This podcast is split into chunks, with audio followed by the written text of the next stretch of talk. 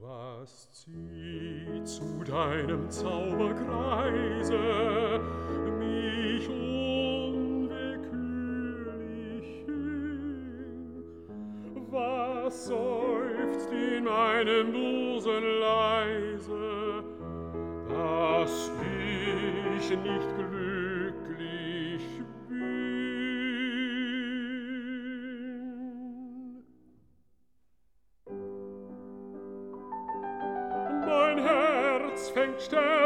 Alarm zu schlagen. Wenn dich mein Blick ersieht, ich wag es kaum mir selbst zu sagen, was ihm zu dir mich zieht.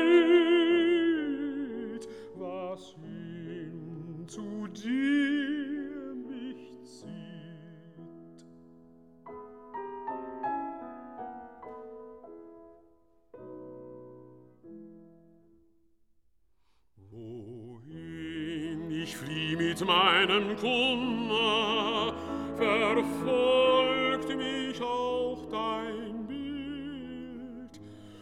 Es schwebt mir vor, wenn matter Schlummer mein tränend Aug um.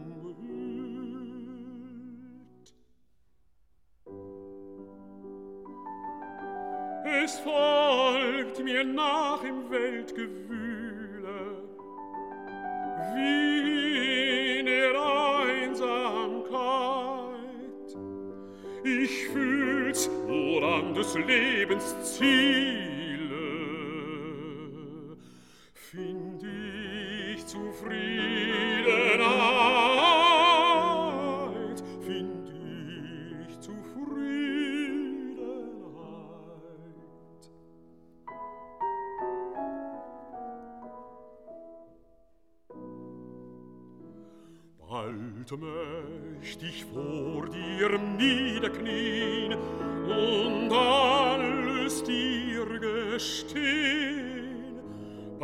möcht ich zitternd vor dir fliehen und dich nie wiedersehen.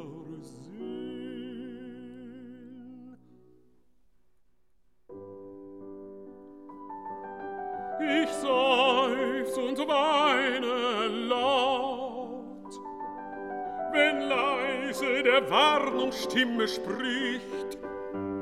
Entflieh aus ihrem Zauberkreise. Ich will und kann es nicht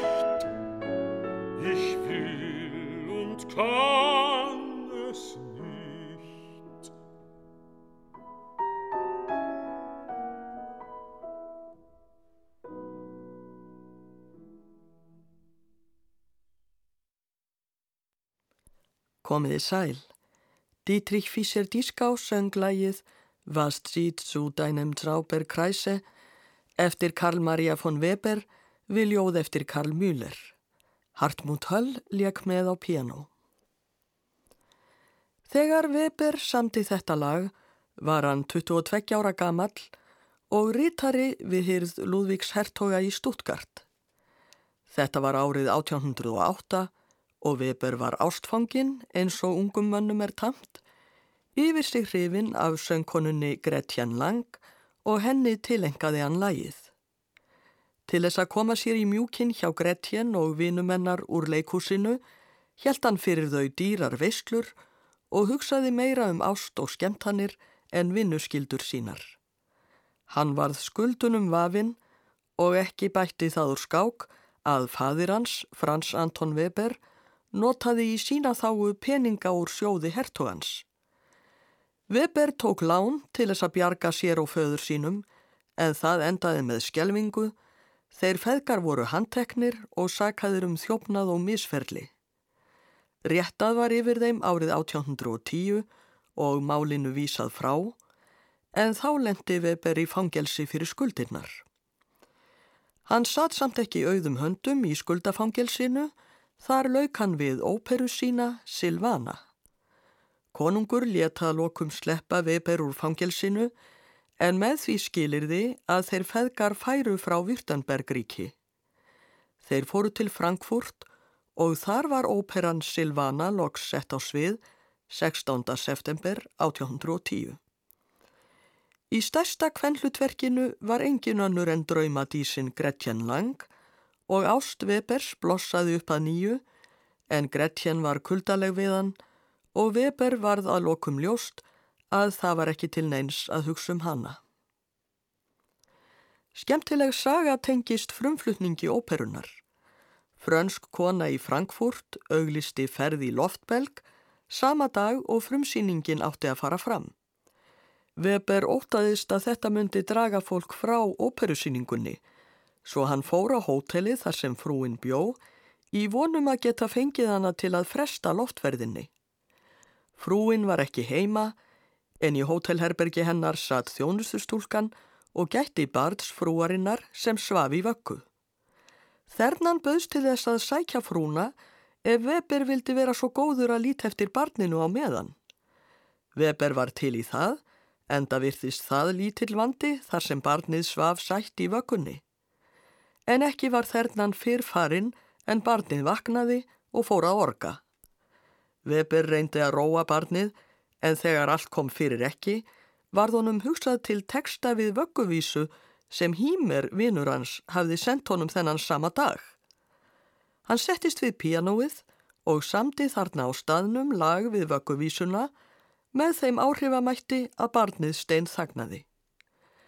Þegar frúin kom fekk Weber að vita að því miður væri ekki hægt að fresta flugi loftbelgsins en hann var að minnstakosti búin að semja fallegt lag við vögguvísu.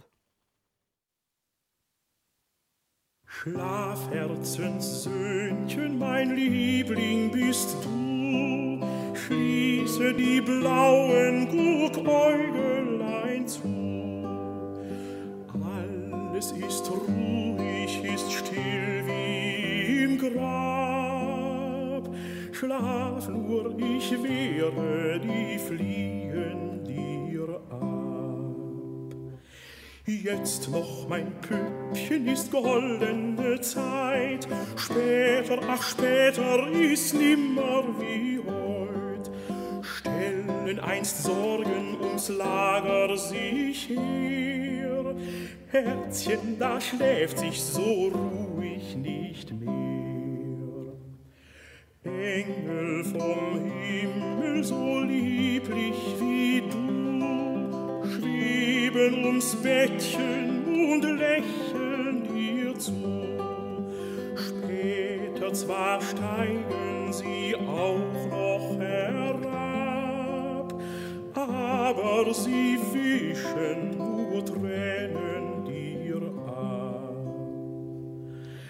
Schlaf, liebes Söhnchen, und kommt gleich die Nacht, sitzt deine Mutter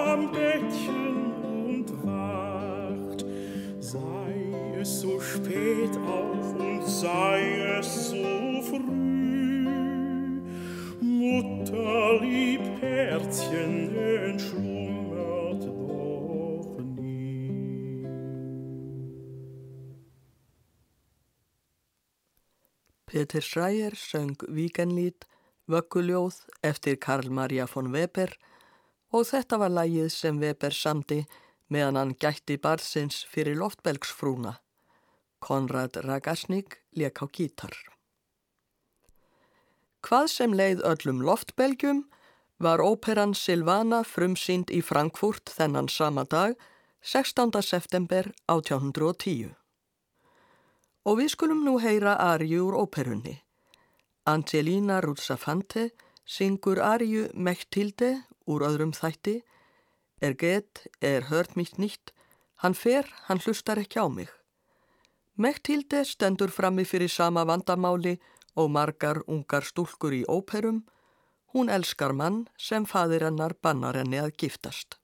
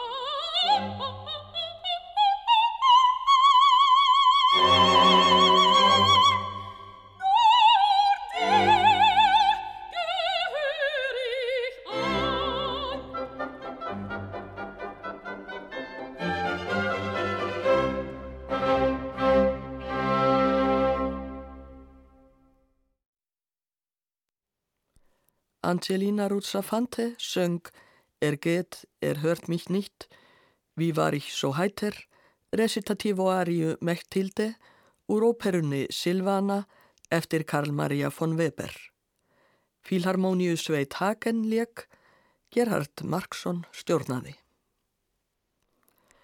Þessa arju söng Gretjan Lang, draumadís tónskálsins, við frumflutning óperunar árið 1810 því hún var í hlutverki Mechtilde.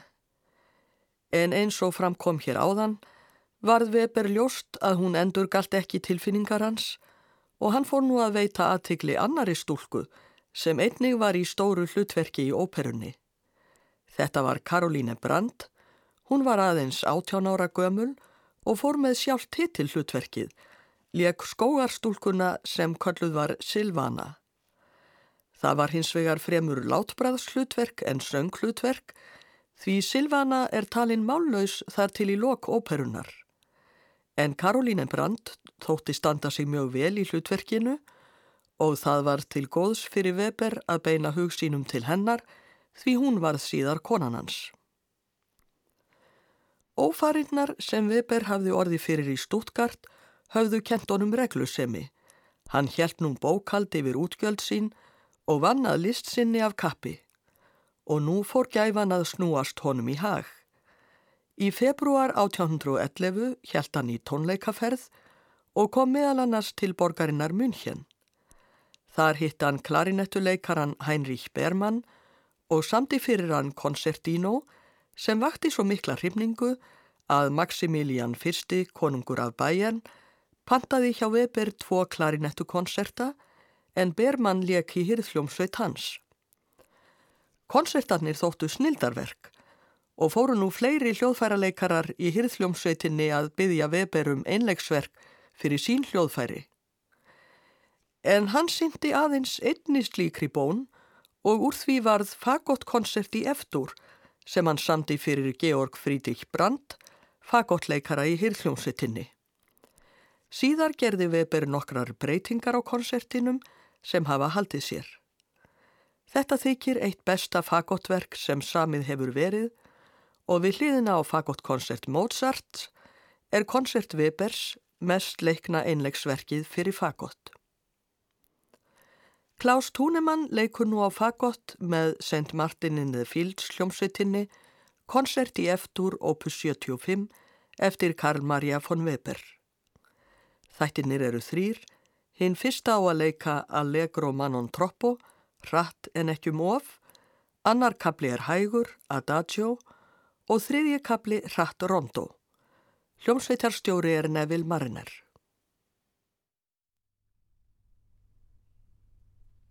Música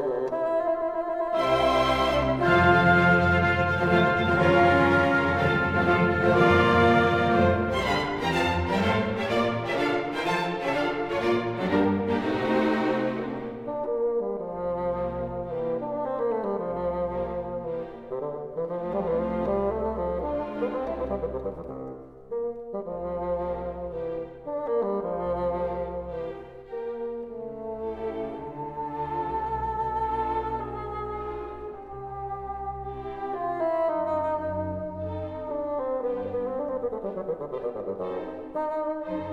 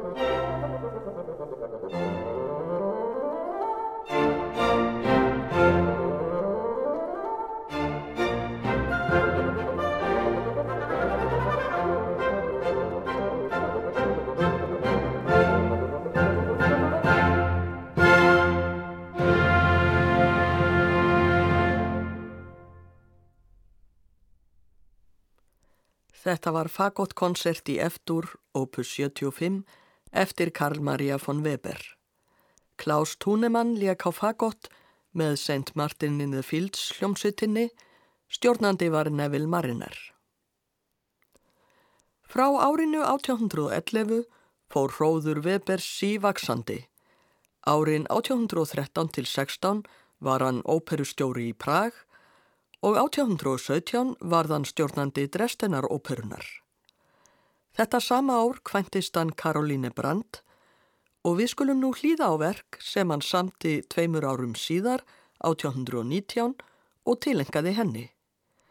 Þetta er eitt frægasta verkið sem Weber samti, pianoverkið Bóðið upp í dans. Það er raunar ofta sleikið í vinsætli hljómsveitarútsetningu eftir Berlioz, en hér verður það flutt í sinni upprunalegu mynd, leikið á piano. Þetta tónverk átti þátt í því að hefja valsinn til vex og virðingar því þetta var í fyrsta skipti sem vals var ekki notaður engöngu sem danslag, heldur gerður að tónleikaverki. Í verkinu er sögð saga, piltur býður stúlku upp í dans, hún er feimin í fyrstu en lætur svo til leiðast og þau dansa saman.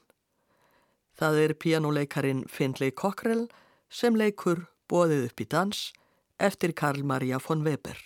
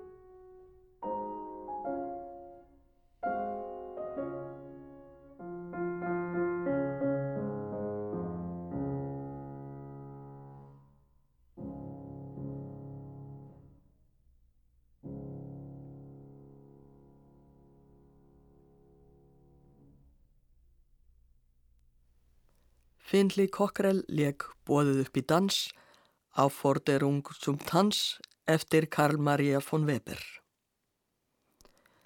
Frægasta ópera Webers, Der Freischütz, sem ímist er kolluð Tauraskittan eða Galdraskittan, var frumsýnd árið 1821 en hún þykir tímamótaverk í óperursögunni. Á eftir fyldu óperurnar Euriante og Operon en síðan nefnda óperan var pöntuð af konunglegu óperunu í Lundunum. En þegar Weber stjórnaði frumflutningi á Operon í Lundunum 12. apríl 1826 var hann orðin veikur af berglum. Þrátt fyrir það reyndi hann lengi að standa við allar skuldbindingar sínar og koma fram á tónleikum. Hann dó í Englandi heima hjá vini sínum og gestgjafa George Smart 5. júni 1826, 39 ára að aldri og var grafin í Lundunum en 18 árum síðar voru jarneskar leifar hans fluttar til Drestenar og jarsettar þar. Við heyrum nú að lokum sönglag sem Weber samti við ljóðið Abendsegen, Kvöldbæn, úr Þíska þjóðkvæðasafninu Des Knaben Wunderhorn. Thomas Hampson syngur en Jeffrey Parsons leikur með á piano. Ég þakka hlustendum áhyrnina, verði sæl. Der Tag hat seinen Schmuck auf heute weggetan. Es ziehet nun die Nacht die braunen Kleider